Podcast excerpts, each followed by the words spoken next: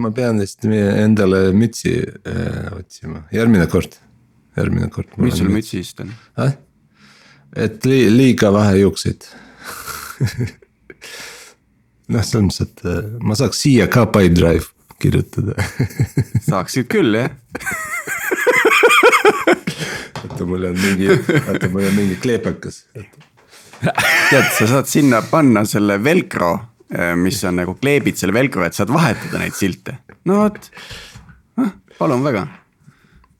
oh jumal.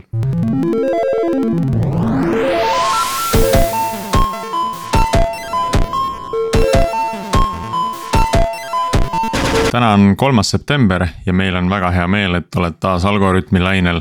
Äh, mina olen Priit Liivak Nortalist ja minuga koos on tänast episoodi vedamas Sergei Janikin Pipedrive'ist ja Tiit Paananen Veriffist. Külla oleme kutsunud seekord arhitekti, kes on äh, näinud nii Eesti kui ka muude riikide e-riike nii lava pealt kui lava tagant. täna räägime Andres Kütiga avaliku sektori arhitektuurist. tere, Andres. tervist nagu meil äh, tavaks on saanud, äh, ole hea, tutvusta ka ennast mõne lausega, et mis, mis sinu taust on ja miks sa neid e-riike sealt lava pealt ja lava tagant näha oled saanud? See on nii, kohe hakatuseks nii keeruline küsimus hmm.. meil on väga raske, raske podcast. hästi, hästi veider taust, et ma kõigepealt üritasin saada programmeerijaks, aga see ei tulnud välja, sest minust tahtis Tartu Ülikool teha kangesti statistikut siis ma mõtlesin, et äh, tegeleks natukene sellega, et katsuks nagu kliendist aru saada, sest ma sattusin Hansapanka. ja, ja siis seal selgus, et klient räägib mingitest imelikest asjadest, mida ma ei mõista ja siis ma läksin, hankisin endale MBA. Ja siis ma sattusin pärast Skype'i ja siis selgus, et ma ikka ei saa aru, millest klient räägib. ja tekkis tunne, et äkki oleks vaja mingisugust formaalset haridust ka lisaks kätega vehkimise oskusele ja siis ma läksin ja hankisin endale MIT-st äh, siis arhitekti äh, diplomi seal väljastatakse sellist asja. ja, ja sellest ajast ma siis olen olnud nagu teatavas mõttes arhitekt, igasuguste asjade arhitekt. Et äh, ma olen jõudnud sinnamaale, et, et noh, tarkvaraarhitekt on, on tore olla küll. aga tarkvara ju opereerib mingisuguses organisatsioonis.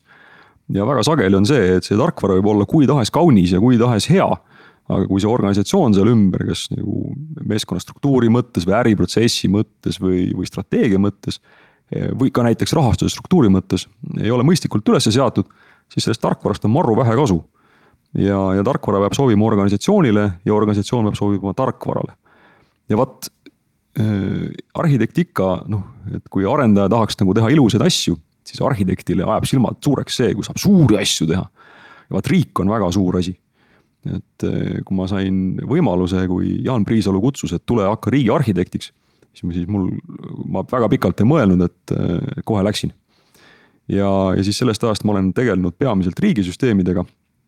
Eh, kuid sinna kõrvale aeg-ajalt tegelen ka nihukeste mitteriiklike organisatsiooni arhitektuuri probleemidega ja siis õpetan seda TalTechis ka juba nüüd mõned hooajad. Andres, ma küsin siia kohe vahele, sa mainisid juba möödaminnes kiiresti ära üks väga põhimõttelise printsiibi, mis on organisatsiooni ja tarkvara arhitektuuri nagu eh, nii-öelda ühilduvus või lahknevus, et räägi sellest printsiibist lähemalt, sellel on vist nimi ka. printsiip see, et tarkvara peab sobima ettevõttele ja. Tiit, sa mõtled seda Conway seadust või? just, just. ja, ja see Conway seadus, et, et ega organisatsioon tavaliselt jah, toodab eh, tarkvara, mis sobib tema kommunikatsioonistruktuuriga ja teistpidi, et kui me paneme püsti äh, mingisuguse tarkvara, ostame näiteks sisse midagi, siis see hakkab kohe maid äh, kohendama meie, äh, meie organisatsiooni struktuuri. et mul siin tudengid on rääkinud, et see oli üks näide oli sellest, kuidas tekitati juhtkonda eraldi inimene, kes vastutas ühe valdkonna eest. ja läks aega poolteist aastat, kuni tekkis sellele juhtkonna liikmele raporteeriv eraldi portaal, mis oli eraldi kõigidest muudest portaalidest. et noh, see on päriselt toimiv asi. ja, ja üldiselt seda, seda efekti just nagu alahinnatakse mis vastupidi toimub, ehk siis, et me paneme mingi tarkvara püsti ja siis see hakkab kujundama organisatsiooni noh, äh, Skype oli ju suurepärane näide sellest, kuidas Skype kui tarkvara võimaldas ehitada Skype'i kui organisatsiooni, mis omakorda kujundas Skype'i kui tarkvara, mis omakorda mõjutas seda organisatsiooni. nii et äh, jah, see seos on kindlasti olemas ja hästi nagu fundamentaalne printsiip äh, arhitektuuris, sul on, sul on õigus. no ma hüppan nüüd kohe täitsa sügavale siia teemasse sisse, et äh, et, et see printsiip on olemas, sa ütlesid ka enne, et avaliku sektori arhitektuur on üks nii-öelda raskemaid, et sa võtsid kohe selle suure, suure väljakutse, suure ampsu. Ähm, kuidas sa võrdled avaliku sektori arhitektuuri erasektoriga, et noh, printsiibid, põhimõtted on samad aga, aga kuidas ja mille poolest need, need maailmad erinevad teineteisest? ega nad väga ei erine, erineb natukene see, kuidas arhitektuuri vaadatakse, kuidas on riik üles ehitatud. ja sõltub ka väga riigist. näiteks, et kui meil on noh, sihukene väike demokraatlik riik nagu Eesti Vabariik, siis see koosneb silodest. ja, ja see on väga sarnane sellele, kuidas noh, näiteks võtame Eesti Energia, kuidas Eesti Energia opereerib, eks ole, seal on terve hulk mingisuguseid tootmisüksusi. suhteliselt iseseisvad, suhteliselt nagu selgete ülesannetega, suhteliselt selgete meetrikatega. Ja siis kontserni tasemelt siis selle terviku arhitektuuri juhtimine on üsna sarnane sellele, kuidas on riigi arhitektuuri juhtimine. aga kui me võtame näiteks Saksamaa, mis on föderatiivne riik, siis seal on see olukord hoopis teine, eks ole, et seal see nii-öelda all olev organisatsiooni struktuur on, on hoopis teistsugune kui niisuguses keskmises ettevõttes ja ma olen näinud ka riiki, kus äh, IT-osakond, terve IT, terve riigi IT koosneb neljast inimesest. ja seal on niisugune keskmise väikeettevõtte niisugune arhitektuuri ülesanne, seal ei ole nagu midagi erinevat. et äh, pigem vastupidi, et seal tuleb nagu väga niimoodi mõtlemata riigile võtta lihtsalt parimat praktikat äh, tavapärasest IT-arhitektuurist ja lihtsalt ära rakendada ja ongi kogu lugu. et võib olla üsna erinev, aga võib olla ka väga sarnane aga Andres, võib-olla äh, vaataks veel neid erinevusi või sarnasusi ka kliendi baasi poole pealt, et mm, -hmm. et äh, kes on klient? Ehm, vot see kliendi küsimus on tõepoolest hästi oluline, et. Ähm, väga filosoofiline. väga, väga filosoofiline ka ja see läheb ja selles mõttes on see oluline küsimus, et, et kogu riigi arhitektuuriga toimetamine sõltub õudselt palju sellest, kuidas riigist mõeldakse et just nimelt, et noh, mis on need fundamentaalsed nagu printsiibid või kontseptsioonid, millest me, millest me üldse lähtume, kes on näiteks klient, kas kodanik on klient või ei ole. väga, väga mitmes riigis ei ole ja see võib ka riigiasutuseti olla erinev. näiteks mul on selgesti meeles, kuidas kadunud Aivar Rehe pidas ühe koosoleku eh, Maksu- ja Tolliametis, kui ma olin seal IT-juht. ja selle koosoleku nagu noh, lihtsustatult selle koosoleku teema oli selles, kas eh, Maksu- ja Tolliamet on teenindusasutus või ta on jõustamisasutus. ja toimus arutelu, seal olid äh, inimesed olid laua taga ja otsustati ja leiti, et Maksu- ja Tolliamet on teenindusasutus. Ja tõepoolest teatud kliente teenindatakse käeraudade abil ja seal on omad protsessid, aga kas see on teenindusprotsess? ja vot selline äh, kultuur või selline väärtuste hulk annab hoopis teistsuguse arhitektuuri väljundi kui see, kui me oleme jõustamisasutus, eks ole see arhitektuur on hoopis teistsugune, kliendi mõiste on hoopis teine, eks ole. Ehm, ja nii edasi. Nüüd riigi puhul on võib-olla nagu kõige suurem erinevus sellisest tavapärasest kommertsettevõttest on see, et riigi puhul vaata see arusaam, kes on klient, võib väga palju kõikuda. et Maksu- ja Tolliametis on ühesugune lähenemine, PPA-s tõenäoliselt teistsugune, haridusministeeriumis hoopis kolmas. et see kliendi mõiste võib ujuda ja see teeb arhitekti töö nagu väga keeruliseks, ma pean arvestama sellega, et äh, mul on selles süsteemis väga erineva kontseptsiooni ja väga erineva lähenemisega loodud infosüsteeme, mis peavad kõik siiski terviku moodustama noh, ma kujutan ette, et äh, jällegi mina olen hästi lihtsameelne, ma ei tea, kuidas riik äh, tegelikult äh, sisemiselt toimetab, aga ma, kujutan ette, et. et seal on riik tegelikult jaguneb ju kaheks, on ju, et üks on, on see seaduseloome ja, ja, ja teine osa on seaduse rakendamine eh, ehk elluviimine. Ja nüüd eh, me räägime praegu, et infosüsteemide arendus on just selle seaduse rakendamise või elluviimise üks osadest noh, see on üks viis, kuidas need seadused äh, ellu viia, ehk noh, sa võid paberi abil ka seda teha või Exceli abil või noh, ükskõik mille abil on ju. Äh, ja, ja nüüd võib, nüüd see ju sõltub sellest, kuidas see seaduse rakendamise osa riigist keda ta peab oma kliendiks, kas ta peab oma kliendiks seda seaduseloome osakonda või, või hoopiski riigi kodanikku on ju, et, et. see sõlt-, üldiselt peetakse Eesti riigis vähemalt seda kodanikku silmas, mujal, muudes riikides on teistmoodi. muudes riikides mõnikord peetakse näiteks ametnikku, ametnik on kliendiks. sest kogu äriprotsess on toetat-, on, toetub sellele, et meil on ametnik, kes viib läbi äriprotsessi ja siis seal kuskil on kodanik, kes oma paberitega ringi jookseb. aga peamine on siiski nagu see administratiivne protsess, mida me teeme aga sa, Sergei, sa osundasid väga õigesti, et, et me mõtleme kuidagimoodi sellest, kuidas mingisugust seadust siis täita. ja Eestis on väga haruldane juhtum, noh isegi ma ütleks unikaalne, ma ei ole kuskil mujal kohanud seda, et, et meil riik, riigis me mõtleme nii-öelda tarkvarast kui riigi osast vaata üldiselt klassikalises teoorias on riik koosneb mingist administratiivsest aparaadist, eks ole, ja territooriumist. ja noh, siis võib sõltuvalt küni, küünilisuse tasemest, et sinna käib siis kas mingisugused jõuametkonnad ka juurde või mitte. aga Eestis on seal eh, nii-öelda neljas element juures, ehk siis infosüsteem. Ehk siis Eesti riigis me juba mõtleme seaduste loomisel infosüsteemile, meil on seadused, mida ei saagi ilma nagu, mida paberi peal ei saagi rakendada. Aga see, see tulebki palju sellest äh, küpsuse, küpsuse astmest sõltub. et äh, Sergei, sinu öeldule ka vastandades, et, äh, et ma, et ma tean situatsioone, kus tehakse ka seda teisipidi, et, et mõeldakse, et kuidas see protsess peaks olema ja siis hakkame seadust muutma. et alustatakse nagu sealt teisest otsast, aga see ilmselt hakkabki sellest ähm, mitte ainult siis nagu riigi küpsuse astmest, aga kogu selle äh, selle rahvastiku küpsusastmest pihta, et kas ja. nad on valmis äh, ja.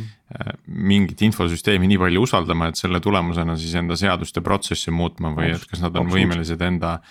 Neid mõttemustreid niimoodi painutama, et, et nad ei mõtle tavapärases lineaarses mudelis, vaid äh, suudavad sinna sisse tuua mingisugust masinõpet või ai asju, mis nende eest midagi teevad, mingeid musti kaste, millest nad väga midagi ei tea just, Priit, sa tõid jälle väga olulise asja sisse ja see on väga oluline erinevus, ma arvan, äh, riigis versus kontsernis või, või eraettevõttes. eraettevõttes tüüpiliselt on võimalik äh, seda küpsustaset nagu sundida peale. Siis tippjuht vaatab, et vot, et selles harus mul, see pealik on ikka loll, et vahetame välja, tõstame selle organisatsiooni küpsustaset, paneme sinna mingit raha alla või noh, mis iganes. riigis tüüpiliselt nii ei ole et riigiamet, no riigiasutuse nagu küpsuse astet nagu kaugelt jõuga tõsta peaaegu on võimatu. kui see ise ei tõuse, siis, siis võib kulmude peal käia, mina ei ole näinud. Aga alla lasta? Mm, kas see väga ei õnnestu? riigiasutus no. on, opereerib nagu oma selle mandaadi ja, ja mingisuguse regulatsiooni alusel. ja teeb seda suhteliselt nagu iseseisvalt, vähemalt demokraatlikus riigis nagu Eesti Vabariik seda on. ja siis see tähendab seda, et kui me vaatame nüüd riigi taseme arhitektuuri siis see riigi taseme arhitektuur peab arvestama seda, et sul on mingisugune seltskond, kes on suhteliselt küpsel tasemel ja mõtleb nagu kliendist ja, ja tegeleb noh, öelda nii-öelda klienditeenindusega. ja siis on mingid teised, kes ei ole. ja nad kuidagi peavad ikkagi nagu terviku moodustama ja see on päris nagu äge väljakutse, erinevalt siis sellest äh, eraettevõttest Andres, minus juristi, juristi koolitus tärkas, et sa rääkisid, et Eesti on nagu riigi defineerinud äh, nagu lisakriteeriumiga, milleks on nagu, nagu see infosüsteem seal mingis mõttes. et kui, kui, kui riigiõiguse juristid nagu defineerivad riiki läbi territooriumi, selle kaitsevõime ja mingisuguse seaduse jõustamise üks võimekuse on ju. kas Eesti riigis on see infosüsteem kui riigi üks nii-öelda no ütleme, omadus äh, on juba kuidagi nii-öelda ka seaduse sisse kirjutatud. on, on, seaduses on mõiste riigi infosüsteem on lausa olemas. On olemas ka okay. riigi infosüsteemi amet, kelle lausa ülesanne on selle, selle asja eest nagu hoolt kanda. mis see täpselt on, vot seda ei oska keegi täpselt öelda. kus selle mm. piirid on, seda ka täpselt ei oska keegi öelda, aga on olemas seaduses sihukene mõiste ja on kirjeldatud selle peamised elemendid ja nii edasi, nii edasi et. no seal, äh, seal on ka need äh, andme, andmestikuseaduses on hästi palju sees neid äh, tingimusi, mismoodi riik peab enda andmetega toime tulema ja hakkama saama, et ka see once only printsiip, et andmeid tuleks koguda üks kord. Ähm, kuskil registris peab olema see üks ja ainus tõde nendest andmetest, et neid ei tohiks dubleerida erinevatesse kohtadesse. see tundub, et on riikide vaates üsna, üsna unikaalne jah, seaduse tõepoolest lõik. On küll ja kui sa enne mainisid sellist mõistet nagu usaldus, siis see, et meil sellised asjad kuskil regulatsioonis kirjas on, on, on suurepärane näide sellest usaldusest. vaadake, ei poliitik ega riigiametnik, mina ei ole sihukest kohanud, võib-olla kuskil on. noh, ta ei ärka üks hommik üles ja ei mõtle, et mis täna teeks, paneks õige asutused XML sõnumeid vahetama. no ei juhtu, see on puhas inseneri mõttemall. ometi on X-tee kui selline meil seadusse sisse kirjutatud, eks ole järelikult kuskil olid mingid insenerid, kes suutsid välja mõelda, et tegelikult oleks nagu mõistlik, et me ju ei korja neid andmeid mitu korda, et kui selle asemel, et kodanik võiks tulla minu juurde paberiga, ma võiks selle paberi peal leiduva informatsiooni juba sellest teisest andmebaasist üles korjata. noh, kõlab nagu loogiliselt insenerile. ja veelgi enam, siis suudeti see kuidagi nagu ära seletada mingisugusele ametnikule, kes selle ka ära ostis mm. -hmm. kes omakorda suutis selle läbi siis, just nimelt ja siis ja seejärel suutis selle ka läbi demokraatliku protsessi nagu seaduseks teha. ja sihukest asja mina ei kujuta ette ilma selleta, et kõik osapooled kõiki osapooli nagu usaldavad.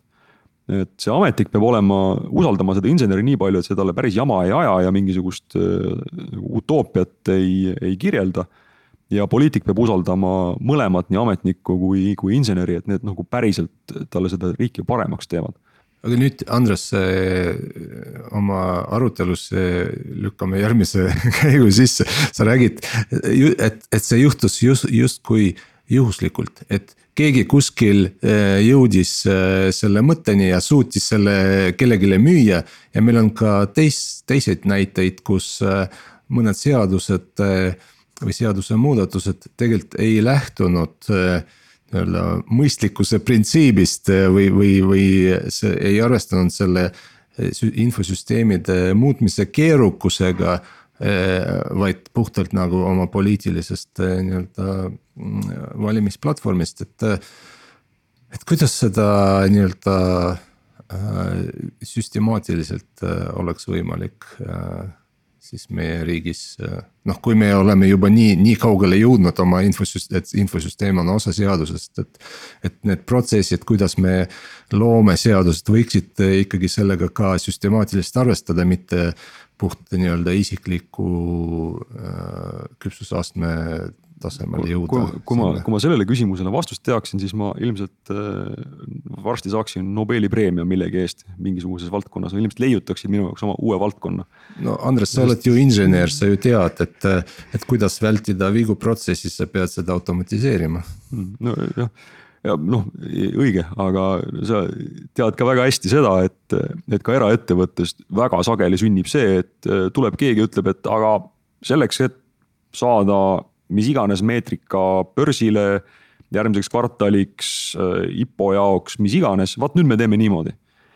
ja kas see nagu tehniliselt mõistlik või võimalik on või kas klient sellest lõpuks võidab või ei võida, noh, see on nagu sekundaarne. ja, ja me ei saa ikkagi üle ega ümber sellest, et ka riigis äh, IT ja kogu tehnoloogia värk on ikkagi mingisuguse noh, suurema eesmärgi nagu vahend. ta ei ole eesmärk iseeneses. ja kui seadusandja tuleb ja ütleb, et nüüd saagu, saagu ma sajatan, olgu nüüd nii. siis see võib IT poolest nagu ebamõistlik olla, aga tuleb lihtsalt teha nii nagu, nii nagu sealt ülevalt poolt need, need käsulauad tulevad lihtsalt puhtalt sellepärast, et meie, meie konstitutsioon ütleb nii aga, aga me ei räägi ju tegelikult infosüsteemi mõistes ebamõistlik. me noh, infosüsteem on lihtsalt noh, implementeerib seda, mis, mis on nii-öelda öeldud me, me räägime tegelikult, et see on ühiskonnale ebamõistlik sest selle rakendamine on nii, nii keeruline. aga me vist lähme juba liiga, liiga nagu. see läheb juba minu teadmisvaldkonnast välja ka, et kuidas riiki paremini teha.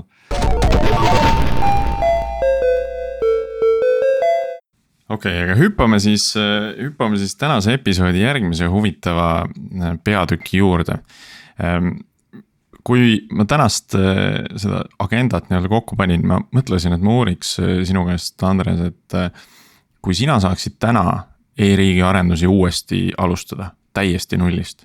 et mida sa teeksid teistmoodi, alates sellest, et meil ei ole riigi infosüsteemide ametit, meil ei ole mingeid IT-majasid, et meil ei ole ei organisatsiooni, mis neid registreid ja kõike muud haldab ja, ja ei ole ka neid registreid endid, eks, et mitte mingisugust tausta, sul on täiesti pü-, tühi leht.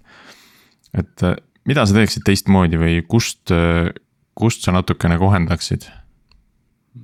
see on keeruline küsimus, sellepärast et äh, ma kuskil nagu paremat e-riiki kohanud ei ole, kui meil on.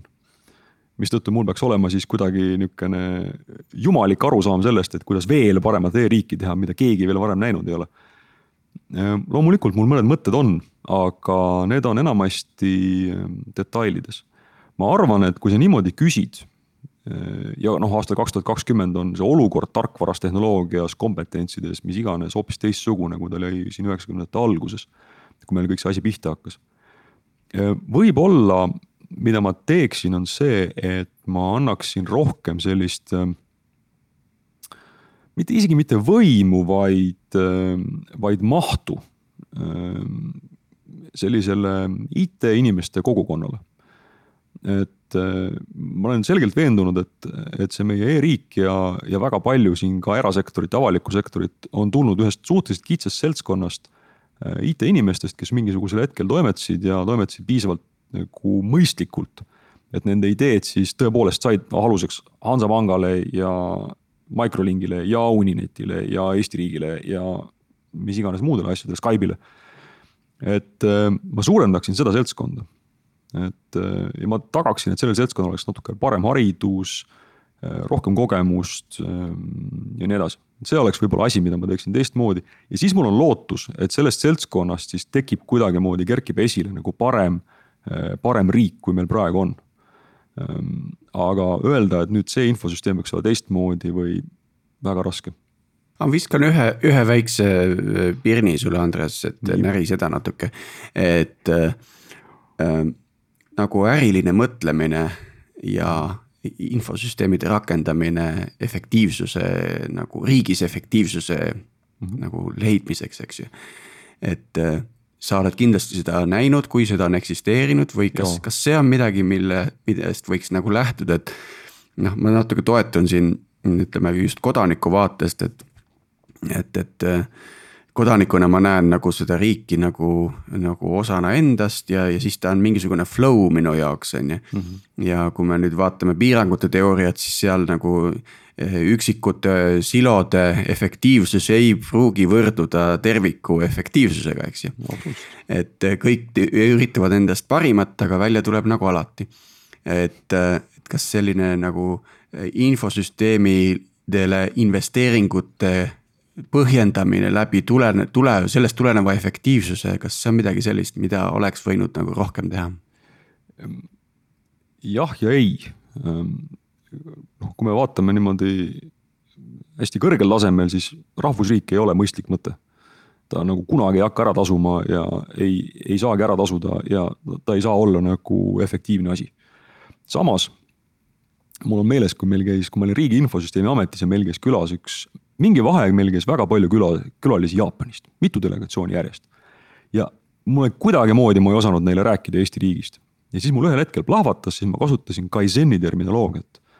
ja ütlesin, et äh, vaadake, et see, millega me Eestis tegeleme, on see, et me vähendame raiskamist, vähendame muda. ja selle peale inimestel läks näod särama, kõik noogusid, kõik said aru ehk et äh, terve see e-riik tegelikult no ongi selle asja mõte väga suuresti ongi nagu raiskamise vähendamine et me küsimus ei ole mitte efektiivsuses, vaid selles, et me seda, mida me siis teeme, mis on oma olemuselt ebaefektiivne, teeme siis vähema raiskamisega. Ehm, on olemas ka näiteid, kus nagu väga palju loetakse nagu raha ja see annab väga selgeid tulemusi. noh, võtame näite jälle Maksu- ja Tolliamet, ma sellest räägin, sest ma olin seal ise lähedal. kümne aasta jooksul see organisatsioon perioodiliselt, see tempo oli umbes sada inimest aastas, see organisatsioon vähenes inimeste hulga mõttes. ehk siis organisatsiooni suurus trendis alla. ja samal ajal trendisid äh, ärimeetrikad ehk siis äh, eurosid kulutatud per euro äh, kogutud protsent nendest eurodest, mis peaks kokku kogutama, mis on kokku kogutud, nii edasi, trendisid kõik ülesse et see näide on olemas, et, et tõepoolest on võimalik nagu efektiivistada just infosüsteemide abil äriprotsessi, mis on, mis on riigis ja noh, näiteks. miks ma just küsin, et vabandust, et küsin sellepärast, et on, on pidev kaeblemine, et me ei investeeri piisavalt e-riiki ja meil on tiiger magab ja ma ei tea, mis iganes, on ju. et äh, sellise kaeblemise lõpetamine on ju selles mõttes ülilihtne, kui sa tuled mingi äriplaaniga ja näitad, kust hakkab pakki tulema, kui nagu sinna teise kohta paned, eks ju mm. -hmm. jah, Eestis on neid investeeringuid, mis, mis toetuvad väga suuresti Euroopa Liidu rahadele. on aastaid ja aastaid ja aastaid jagatud ainult selle alusel, et sa pead näitama, et, et sul see toimetamine ka ära tasub, et, et kui keegi tuleb ja ütleb, et palun mulle X sada tuhat eurot selleks, et vot ma saan kokku hoida kahe ametniku kuus tundi tööd. noh, siis selle peale noh, seda rahast otsust lihtsalt keegi ei tee. sa mainisid need meetrikuid on ju, et, et mm -hmm. kui palju me kulutame äh, raha selle, selleks, et koguda äh, mingit maksude raha, on ju, mhm. riigile et kas see meetrika on üldse kuskil nähtav, et ma hea meelega tegelikult näeksin seda kuskil riigi dashboard'il, et näed. maksuamet, kõik need infosüsteemid, kõik äh, maksab meil päevas nii palju ja iga päev me saame nii palju makse on ju ja, ja. ma hea meelega jälgiks seda Public OKR jah, ma tean, et meil e-residentsusel on äh, dashboard, mis on väga lahe. miks teised ametid nagu ei tee siukseid äh, public äh, OKR dashboard'e, et see mhm. oleks ju. läbipaistvuse suurendamine, see on, see on ju ainult hea. õige ähm,. miks nad teevad, noh kõige parem vastus, mis mul on, miks nad ei tee õigemini. kõige parem vastus, mis mul on, on see, et ametnik tegeleb seaduse täitmisega definitsiooni järgi, see on tema ülesanne. ja, ja kui seadus on täidetud, siis ongi nagu kõik hästi ametniku jaoks, et ametnik ei mõtle nendes meetrikate keeles see on mingi asi, mis, mis võib-olla tuleb nagu kaasa selle seaduse täitmisega. sa mõtled, ei mõtle veel? Sest äh, peale seda, kui ta kuulab meie saadet, siis ta hakkab mõtlema, on ju, et, et. tahaks loota. et äh, mis on see, miks, miks mina eksisteerin, on ju. jah, ma täidan seadust, aga lõpuks, kui kõik on äh, süsteemide poolt ära automatiseeritud, mis see ametnike mõte on, olekski nende meetrikate parandamine mm. -hmm. aga teine teine asi, mis ma tahtsin selle kohta öelda, on see, et minu meelest on, minu teada on tegeletud ja noh, süsteemselt ja pandud sinna ressurssi alla ja raha selle teenuste mõõtmise, teenuste kaardistamisega juba kümmekond aastat ja erilise eduta. ja ka nüüd ma tean, et uues infoühiskonna arengukavas on teenuste mõõtmine, selle informatsiooni konsolideerimine, kättesaadavaks tegemine täpselt nii, nagu te kirjeldate, on nagu olulise eesmärgina sees. kui ma vaatan nüüd seda, kui palju on sinna ressurssi alla pandud ja kui palju on selle peale mõeldud ja mitme erineva nurga alt on üritatud seda lahendada ja lahendust väga head ikkagi ei ole, siis ma ainult teen järelduse, et seal on mingisugune süsteemne probleem. mingi asi töötab sellele nagu väga tugevasti vastu, et meil oleks võimalik niimoodi neid, neid teenuseid mõõta, mis see on, ma ei oska öelda. aga mis iganes põhjusel ei ole tegemist nagu lihtsa ülesandega. aga see, see arusaam, et nii võiks olla, see on väga selgelt jagatud ja sellega nagu tegeletakse. kas, kas edukalt ja kas see lõpuks välja tuleb, ei tea ma, ma arvan, et, et see on äh, täpselt selle küpsusastme äh, probleem või küsimus, et, et. et äh, nad ei ole jõudnud sinna oma arengus, kus läbipaistvus on piisavalt oluline ja, ja. ja nad lihtsalt kardavad, sest see läbipaistvus on ju väga ohtlik. sa ei saa enam teha asju, mida, mida teised ei näe. tunde järgi ei saa toimetada enam mm. -hmm läbipaistvus on jah väga ohtlik, et ma iga kvartal saan maksuametist kõikide ettevõtete käibed, töötajate arvu ja makstud maksud, eks ju. ja kui ma nüüd selle modelleerin vastu äh, äriregistrist saadud äh, ettevõtete balance sheet'i ja income statement'i ja panen selle data jooksvalt sisse, siis ma saan päris juba hea ülevaate sellest, kuidas mingitel ettevõtetel läheb ja millal nad kahjumisse jõuavad noh, maksuamet tänapäeval annab sulle selle informatsiooni juba nagu ennetavalt kätte, et nad tegelevad sellega, et ja see on päris tugeva küpsuse näitaja juba, et nad ei, nemad on jõudnud sinna, et nad mitte ei mõõda ennast. ja ei anna seda informatsiooni välja, vaid nad mõõdavad majandust ja annavad seda informatsiooni välja, sest eh, noh, nad, nad saavad aru, et noh, nad enda jaoks peavad ju niikuinii arvutama ja, ja tegelema sellega, et aru saada, et noh, mis sektor nagu järgmisena löögi alla satub ja, ja kus on tuge vaja ja kus nad. noh, kus tõenäoliselt hakkavad tekkima mingisugused probleemid. noh, võiks sama hästi selle, selle informatsiooni siis ka nagu majandusele tagasi anda ja, ja loota, et, et majandus selle peale midagi teeb, et ettevõtjad kuidagi korrigeerivad oma käitumist. Ah, ja Andres, mul tekkis teilt veel üks. sul oli enne ka üks küsimus, Sergei. sul oli enne üks vastaja küsimata kohe, kohe jõuame, lihtsalt ma tahtsin äh, mainida, et selleks, et äh, mingi asi äh, saaks lahendatud, sellel on vaja omanikku, on ju, ja mm., ja, ja nüüd selle KPI-de tekitamisel ilmselt on see antud sinna ametisse sisse. ja see ei ole selle ameti huvi, on ju aga meil on ju statistikaamet, mis võiks vabalt endale võtta siukse. see, see öö, omandus on, selle teema omandus on Majandus-Kommunikatsiooniministeeriumis. okei okay no vähemalt ja omanik on olemas. omanik on olemas, selgesti on omanik olemas. seal on oskust. nüüd see koht, ei, vot seal on nüüd see koht, kus äh, tuleb mängu demokraatia ja see, kuidas infosüsteem ja see organisatsioon, äh, kus ta asub, see infosüsteem omavahel kokku käivad. Äh, nimelt demokraatias on see lugu, et seal välditakse võimu koondumist ühte kohta, et mistõttu on olemas mehhanismid, mehhanismid mis võimaldavad näiteks Maksuametil või Haridusministeeriumil või Justiitsministeeriumil äh, MKM-i saata pikale lainele, kui see tuleb mingisuguse meetrika jutuga. Äh, lihtsalt sellepärast, et nad definitsiooni järgi on oma tegevuses täiesti sõltumatud ja senikaua, kuni lapsed on haritud ja maksud kokku korjatud, siis kuidas nad seda teevad, väga raske on neile ette kirjutada. Andres, nüüd äh, küsimus on see, et, et tegelikult need meetrikad ei, ei lähe ju teisele ametile, need lähevad ju ühiskonnale välja, on ju, ja kas nendel ametitel on õigus saata ühiskonda pikale lainele? jaa, vot, vot see on juba, see on juba vot keerulisem küsimus aga et, siit tuleb ma, ju. kuule, siin on mõni, mõni hea võimalus väike kohtupretsedent tekitada see näitab kohe ära, kus jutt on et see mõttemaailma muutus äh, hakkab tulema, et MKM äh, oli üks esimesi, kes äh, selle ümber vormistas nii-öelda, et kes on klient Mm. et, et nemad on teenusorganisatsioon, eks ole, Sotsiaalkindlustusamet hakkab järjest rohkem või noh, juba tegelikult teebki seda mm. läbi proaktiivsete teenuste. et, et äh, see... mulle tundub, et siin on sellist head initsiatiivi vaja, keegi, keegi peab näitama, näitama ette ja siis hakkab tasapisi nagu järgi tulema see no, kõik. elu, elu on Nii, aga... elu on näidanud, et, et see on tippjuhis kinni, asutuse tippjuhis, et asutuse tippjuht, kui see saab aru, mis asi on teenus, kuidas klienti teenindatakse siis asjad lähevad kohe paremaks ja pärast, kui ta, see inimene on ka ära läinud, ei lähe asjad hullemaks tagasi. ja noh, siis meil tuleb lihtsalt oodata, kuni on kõik asutused on riburada pidi saanud endale hea tippjuhi mingiks ajaks. sest Tiit ja Sergei, te ju teate väga hästi, kuidas äh, tiimide sees see toimib, et äh, et kui öelda ülevalt, et nüüd iga tiim paneb endale ühe Fansu dashboard'i seina peale, noh siis väga raskesti hakkab tulema, aga kui aidata ühel tiimil see ilus dashboard seina peale panna, siis varsti on teised seal ukse taga, et kuulge, mis värk see on, me tahame ka ja ei no näi-, näi-, näited ja pretsedente peab tekkima. ma, ma tuleks selle kõige esimese küsimuse juurde, et, et mida sa teeksid teisiti, on ju, et ma, et ma, ma küsiks teistmoodi, et ma küsiks, et kus on praegu pudelikaelad? Ehm, kõige suurem pudelikael on meil seal, et ehm, me oleme riigina ja ka infosüsteemis täiesti on, on see, on see tõsi. me oleme lahendanud ära nagu kõik lihtsad probleemid.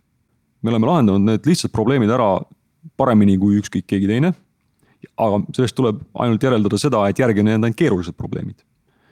vot keerulist probleemi enam ei lahenda niimoodi, et äh, meil on paar nutikat inimest, kellel on arusaam mingisugusest konkreetsest tehnoloogiast ja, ja siis me rakendame seda nutikust ja põmm, lahendus tuleb keerulised probleemid, need kipuvad minema sinna, et noh, inimeste mõtteviis ja noh, riigiarhitektuur kui selline ja seadusandlus ja nii edasi, nii edasi, nii edasi.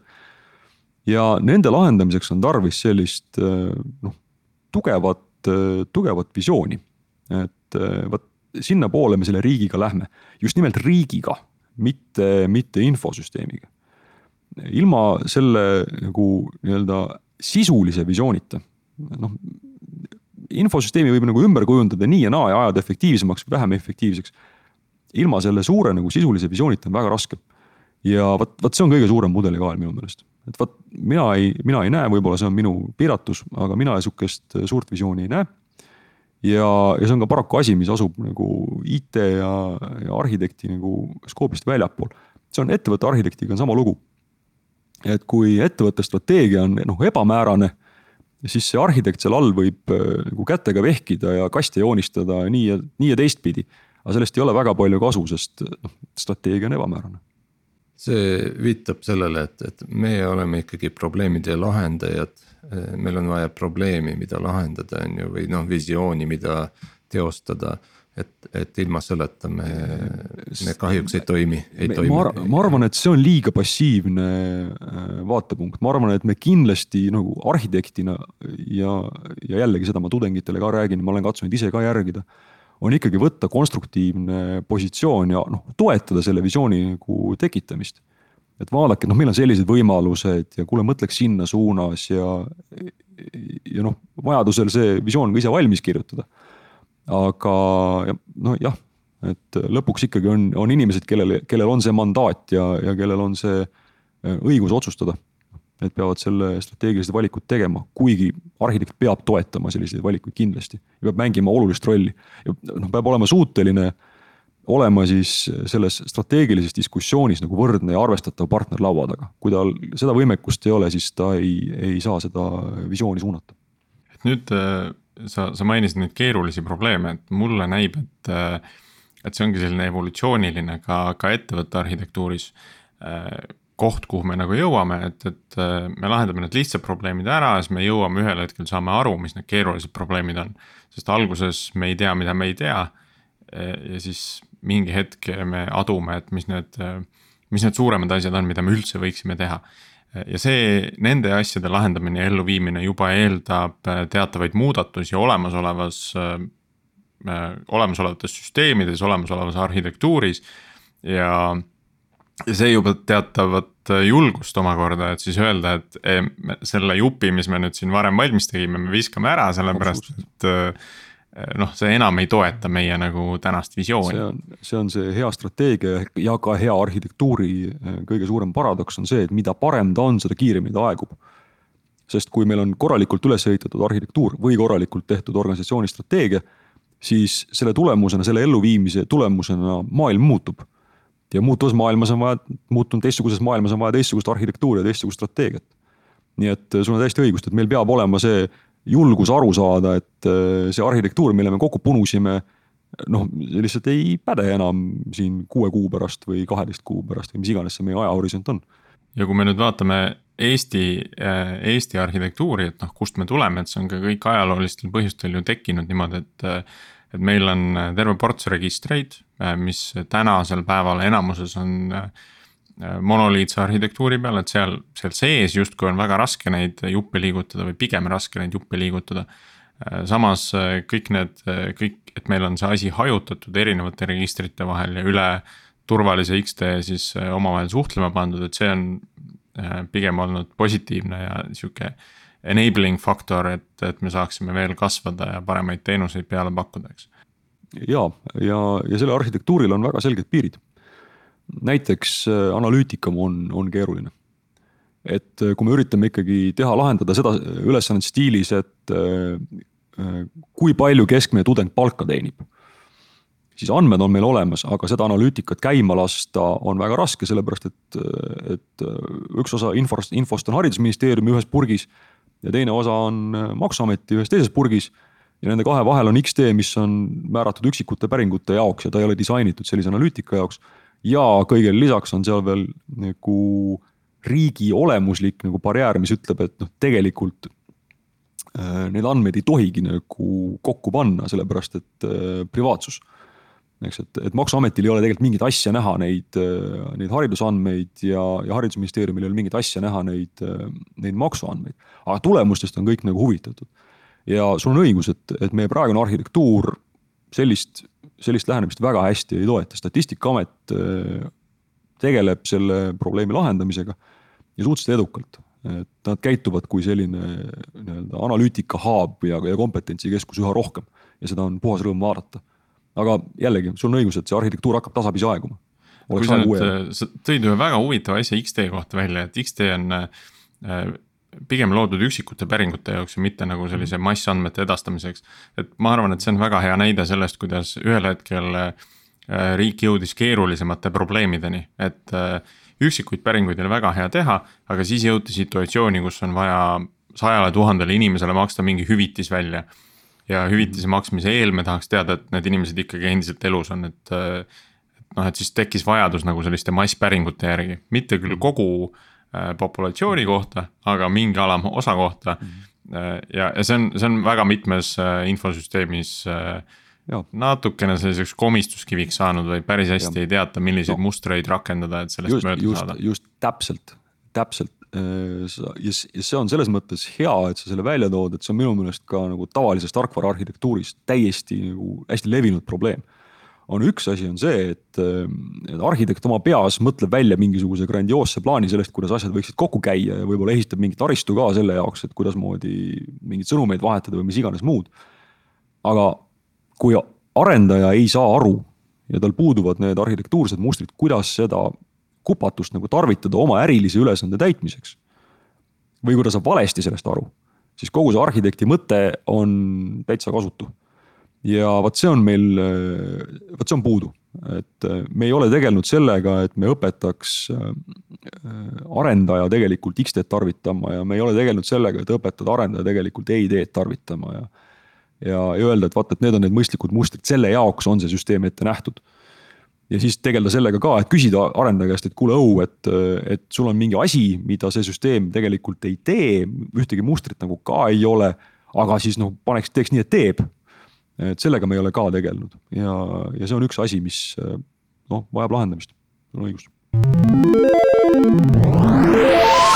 üks arhitektuurialane küsimus veel, et, et Eesti nüüd reklaamib, et andmed on minu omad minu andmed riigis on minu omad, eks ju mm. -hmm. ja, ja kuskilt vist mul on võimalik näha, et, et kes on minu andmeid vaadanud. nii on. nüüd äh, ja ma siis pean usaldama seda koodi, mis selle siis selle vaate mulle tekitab, seda koodi ma ise kunagi ei näe, eks ju.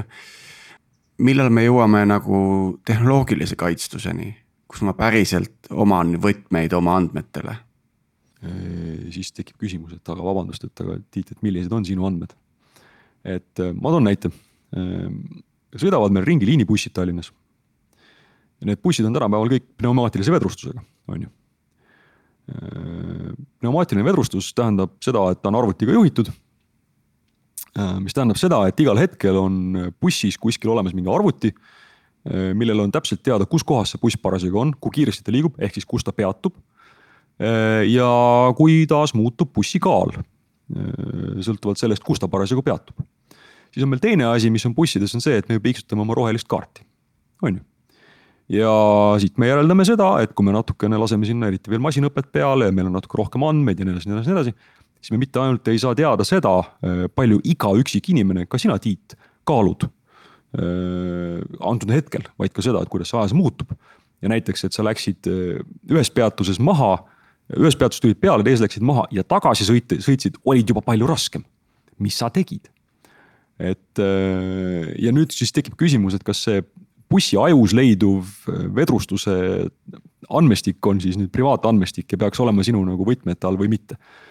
ei, mina ei tea seda vastust, et see on nagu filosoofiline küsimus aga. aga no ütleme, need andmed, mida ma täna näen nagu e-riigis teen, mida enda, noh, ühesõnaga minu kohta teevad kas arstid või politsei nagu mingeid päringuid, eks ju, minu, minu vallas asjade või kinnisasjade kohta, eks ju, et ähm, see võib kindlasti eh, olla. see on parem. puhas andmebaasi tasemel lahendatud teema, seal nagu minul mingit rolli tegelikult ei ole et eh, noh. seal on, eh, seal ei ole sul seda rolli sellepärast, et sul seadusega ei ole ette nähtud seda rolli see on ette nähtud, et mm, kui siis... kui politseil on õigus, õigus neid andmeid vaadata, siis tal on õigus neid andmeid vaadata ja sina saad ainult selle, et noh, sulle vähemalt seal on informatsioon selle kohta, need andmed on vaadatud. aga ja, see ja. informatsioon jõuab minuni tänu mitte minu enda lubamisele, vaid ühesõnaga eh, ma pean usaldama keegi, kes Absolut. on kirjutanud selle vaate ja. tekitamiseks vajaliku koodi aga ma ei näe seda koodi. jah, mitte ainult seda, Tiit, vaid ka seda, et tähendab see, kui riik ütleb, et andmed. ma isegi ei tea, kas riik ütleb, et andmed on kodaniku omad, sest riik ütleb, et, et juurdepääs on läbipaistev. selles mõttes, et, et osa andmeid on korjatud ju riigi poolt ehk, ehk need ei ole ju sinu andmed, sina andsid riigile. Noh, siis kui sa hakkasid kodanikuks sa sisuliselt ju andsid riigile õiguse tekitada või hoida andmeid sinu kohta. see diskussioon läheb tagasi sinna teemasse, mis meil korraks juba oli laua peal, see on usaldus. ja, ja seda usaldust tuleb nagu järjepidevalt toita ja hoida tehes asjad läbipaistvamaks, tehes selle andmejälgija, kus sa saad vaadata, mis andmed täpselt liikusid, tehes selle lähtekoodi lahti ja nii edasi, nii edasi, nii edasi. Kindlasti saab seal nagu paremaks minna, samas tuleb aru saada, et, et seal on noh, mingisugune piir on ees, et ühel hetkel lihtsalt tuleb eksplitsiitne usaldus ja nii ongi, et noh, selle koha pealt on suurepärane näide see Donti kordaja, millega meil parlamenti arvutatakse noh, käsi püsti, kes oskab nagu peast tsiteerida, et kuidas see täpselt käib. noh, ei, ei tea, eks, aga me kõik usaldame, et see on seaduses kirjas ja nii tehes tuleb hea parlament. Ja siiamaani on tulnud, et küllap ta siis nagu töötab, et aga kuidas täpselt, ei tea. ja noh, lõpuks on tarkvaraga samamoodi, mis ei tähenda, et me ei peaks tegelema sellega, et see tarkvara on läbipaistev ja arusaadav ja mõistetav ja otsitav ja nii edasi, nii edasi, nii edasi et äh, sellist, ma tegelen natukene ka praegu sellise asjaga nagu koostöökogu. ja üks ja koostöökogu tegeleb sellise asjaga nagu Eesti inimarengu aruanne. Ja äh, on üks mõte, üks kahest võimalikust, teine on vaimne tervis, mis on ka väga, väga oluline teema. aga alternatiivina siis vaimse tervise teemal on laual andmete teema just nimelt humanitaaria vaatepunktist kuidas riigis, kuidas ühiskonnas tarvitatakse andmeid ja millised on just need humanitaarsed vaated sellele asjale. et noh, mida see inimene siis päriselt vajab, sest kõik need äh, läbipaistvuse vahendid ja kõik need muud asjad on ehitatud inseneride poolt. ja insenerid ütleb, et kui on andmebaas internetis selle kohta, mis andmebaasid on olemas, siis sellest kodanikule täitsa piisab. selgub, et ei piisa usalduse ehitamiseks, et kodanik ei tea üldse, mis asi on riha, ei peagi teadma ja nüüd tuleb siis, tuleks tegelikult inseneridel koos humanitaaridega maha istuda ja korra läbi mõelda, et oot-oot-oot-oot, kuidas me nüüd ikkagi teeme. kuidas me seda usaldust ikkagi siis nagu arendame ja, ja hoiame, mis need vajadused on selle jaoks ja, ja mis arhitektuursed muutused selle jaoks vajalikud on. sellega tuleb tegeleda süsteem, süsteemselt, muidu see usaldus kaob ära. Ma viskan siia väikse disclaimer'i ka, et, et eelnev Ehm, provokatsioon oli puhtalt saate huvides tehtud, et mul ei ole tegelikult Eesti riigi vastu usalduse probleemi. Ehm, kuigi eh, siiamaani ei ole tekkinud, ütleme, see on täpsem vastus. aga siin on, see ongi hästi põhimõtteline filosoofiline valik, mis tehakse nagu üsna alguses ära. et kas olla open by default ja võimaldada kõikidel asutustel neid päringuid teha ja tegeleda siis läbipaistvusega Äh, või olla closed by default ja Tiit sinu käest iga kord küsida, et kuule, see, see inimene tahab nüüd sinu andmeid näha, sa pead kuskil mingi approval'i andma.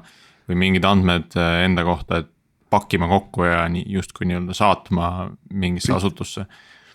ja, ja seda, ma arvan, et seda me ka ei tahaks see Priit, meenutab vaata... mulle selle äh, oma, räägin ühe väikse vaheloo oma lapsega. et äh, vot need lapse ekraanilukud on ju, et äh, paned mingi aja ja siis kui läheb üle, siis siis laps ei saa kasutada või sa pead koodi sisse panema, on ju, noh natuke sarnane asi on ju, et, et nii palju saad ja siit enam ei saa.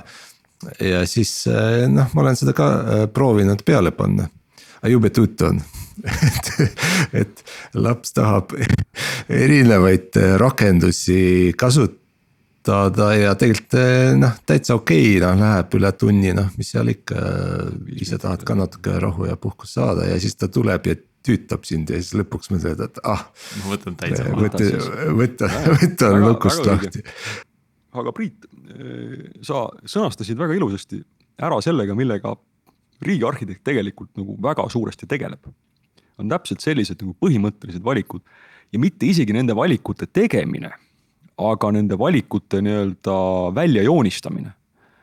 et öeldagi otsuse tegijatele, lugupeetavad, vaadake, kui te nüüd selle valiku teete, siis on sellised tagajärjed, sellepärast et et noh, tegelikult selle nagu suhteliselt nagu süütu väljanägemisega mingisuguse regulatsiooni muudatuse või poliitika muudatuse taga on sellised põhimõttelised asjad, mis hakkavad nüüd muutuma ja vot sellised põhimõttelised muutused annavad sellised tagajärjed, et lugupeetavad, et kas te olete andnud endale aru.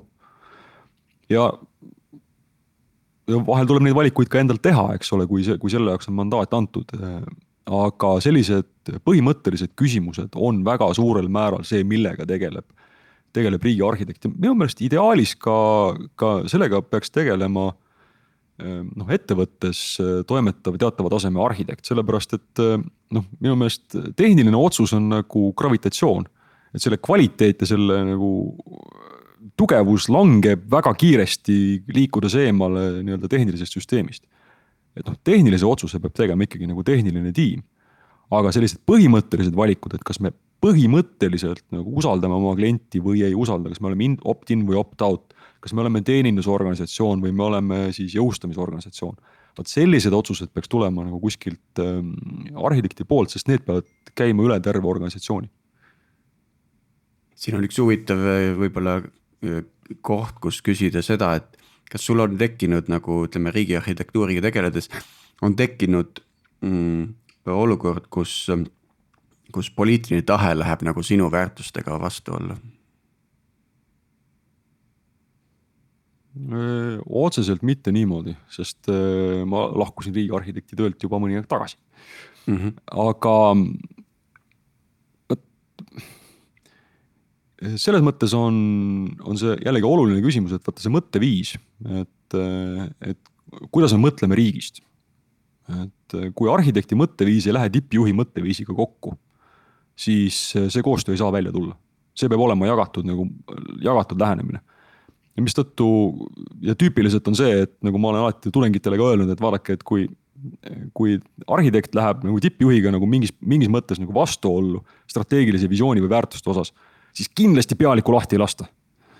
noh, see on, see on, seda ei juhtu. nii et noh, arhitektil on, on mõistlik teha kas valik, et, et ta kas aktsepteerib seda, seda erinevust või kõnnib minema. ja, ja nii paraku on. Et ja, ja see on sõltumata sellest, kes see arhitekt on või kes see tippjuht on või mis need konkreetsed väärtused on. see erinevus on, on lihtsalt selliste tagajärgedega alati mina tahaksin natuke julgustada veel neid arhitekte, kes sellises situatsioonis on. et et see, see tingimata ei tähenda ju seda, et sa pead kuidagi enda lati alla laskma. vaid äh, äh, ka enda põhimõtete eest nagu seismine on, on väga oluline. ja kui selle tulemus ongi see, et, et see töösuhe enam ei jätku äh,. noh, siis äh,, siis ju see ei pidanudki jätkuma. jah, et neid, neid näiteid on, on noh, minu lemmiknäide on Dan Bridget e-based Ehm, noh, kelle jaoks oli vastuvõetamatu see, et arvutati välja, et ja see oli ammu, selle tõttu ma sellest ka räägin. Et tema jaoks oli vastuvõetamatu see, et äh, inimesed arvutasid näppude peal välja, et lihtsam kui mäluleket taga ajada ja odavam on kogu klastrile masinhaaval igal öösel restarti teha.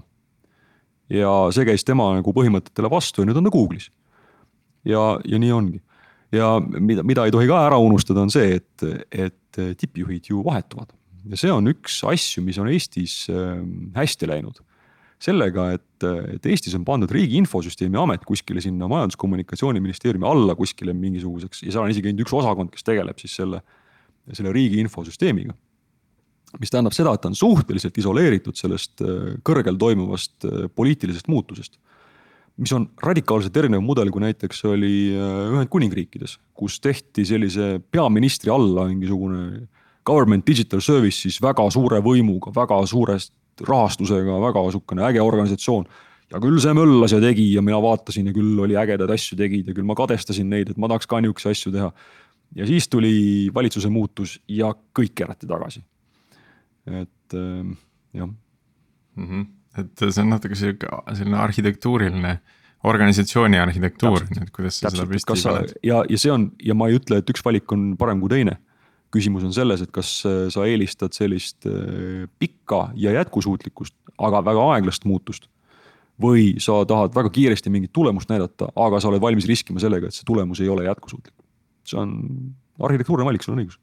okei okay,, aga vaataks siit edasi natukene tulevikku, et, et kuidas sa ütleme sa tead, kuidas Eesti riik on ehitatud, kuidas see infosüsteemide arhitektuur on siin on noh, ma ei tea, X-teest tuleb ka uusi versioone nüüd soomlastega koostöös arendatakse seda ja nii edasi. mis on need tehnoloogiad, mis võivad nagu midagi murranguliselt muuta siin just riigi ja kodaniku vahelises digitaalses suhtluses, ütleme nii? krüptograafia, kõik, kõik krüptoga seotud on selgelt kõige suurema mõjuga. et ikkagi, kui kuidagimoodi juhtub see, mida kogu aeg on ennustatud, et või noh, mõnda aega juba on ennustatud, et kohe juhtub. et siis tuleb kvantarvuti ja murrab kõik lahti. vaat siis on halvasti. halvasti just selles mõttes, et, et siis see nagu, vaat see käib usalduse pihta. siis ei ole enam selge, mida saab usaldada ja mida saab krüptograafiliselt tõestada, mida ei saa enam tõestada ja, ja ja elektroonilised allkirjad näiteks kogu, kogu ajaloos muutuvad nagu kaheldavaks ja, ja vot noh, see tehnoloogia saab olema siis tõeliselt selline murranguline.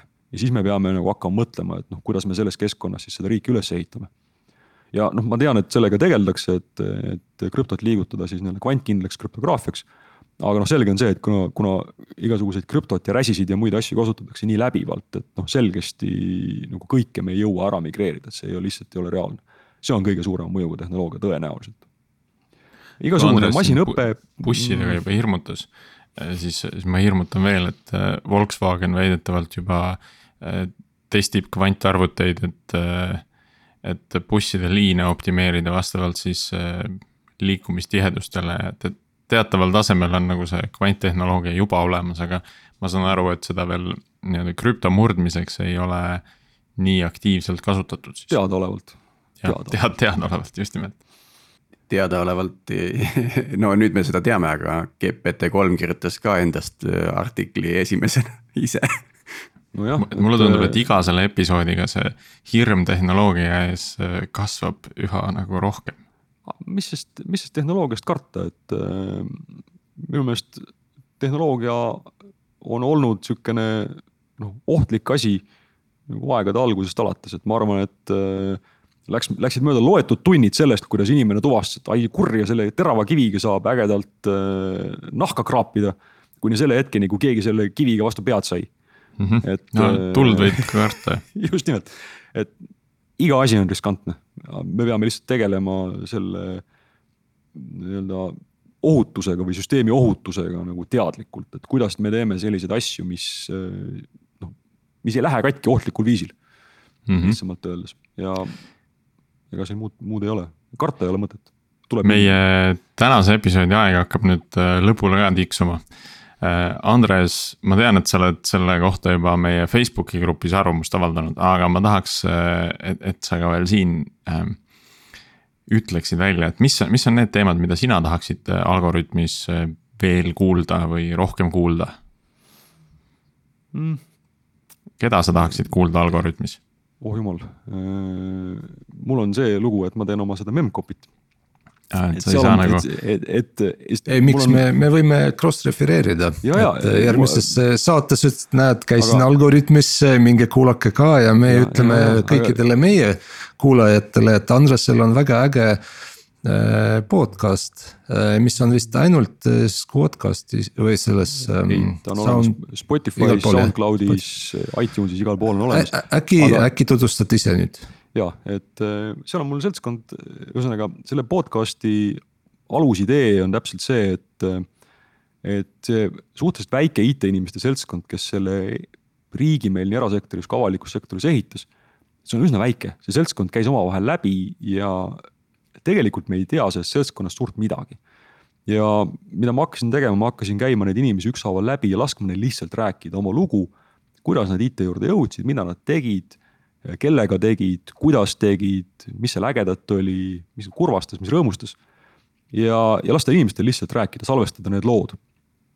ja, ja seda ma olen nüüd kaks hooaega teinud noh, vaatame, kas tuleb kolmas hooaeg ka kunagi aga eh, mul on selles eh, nii-öelda eh, töös on olemas selline Exceli tabel, mille, mille nimi on hitlist. ja seal on üks paarkümmend nime.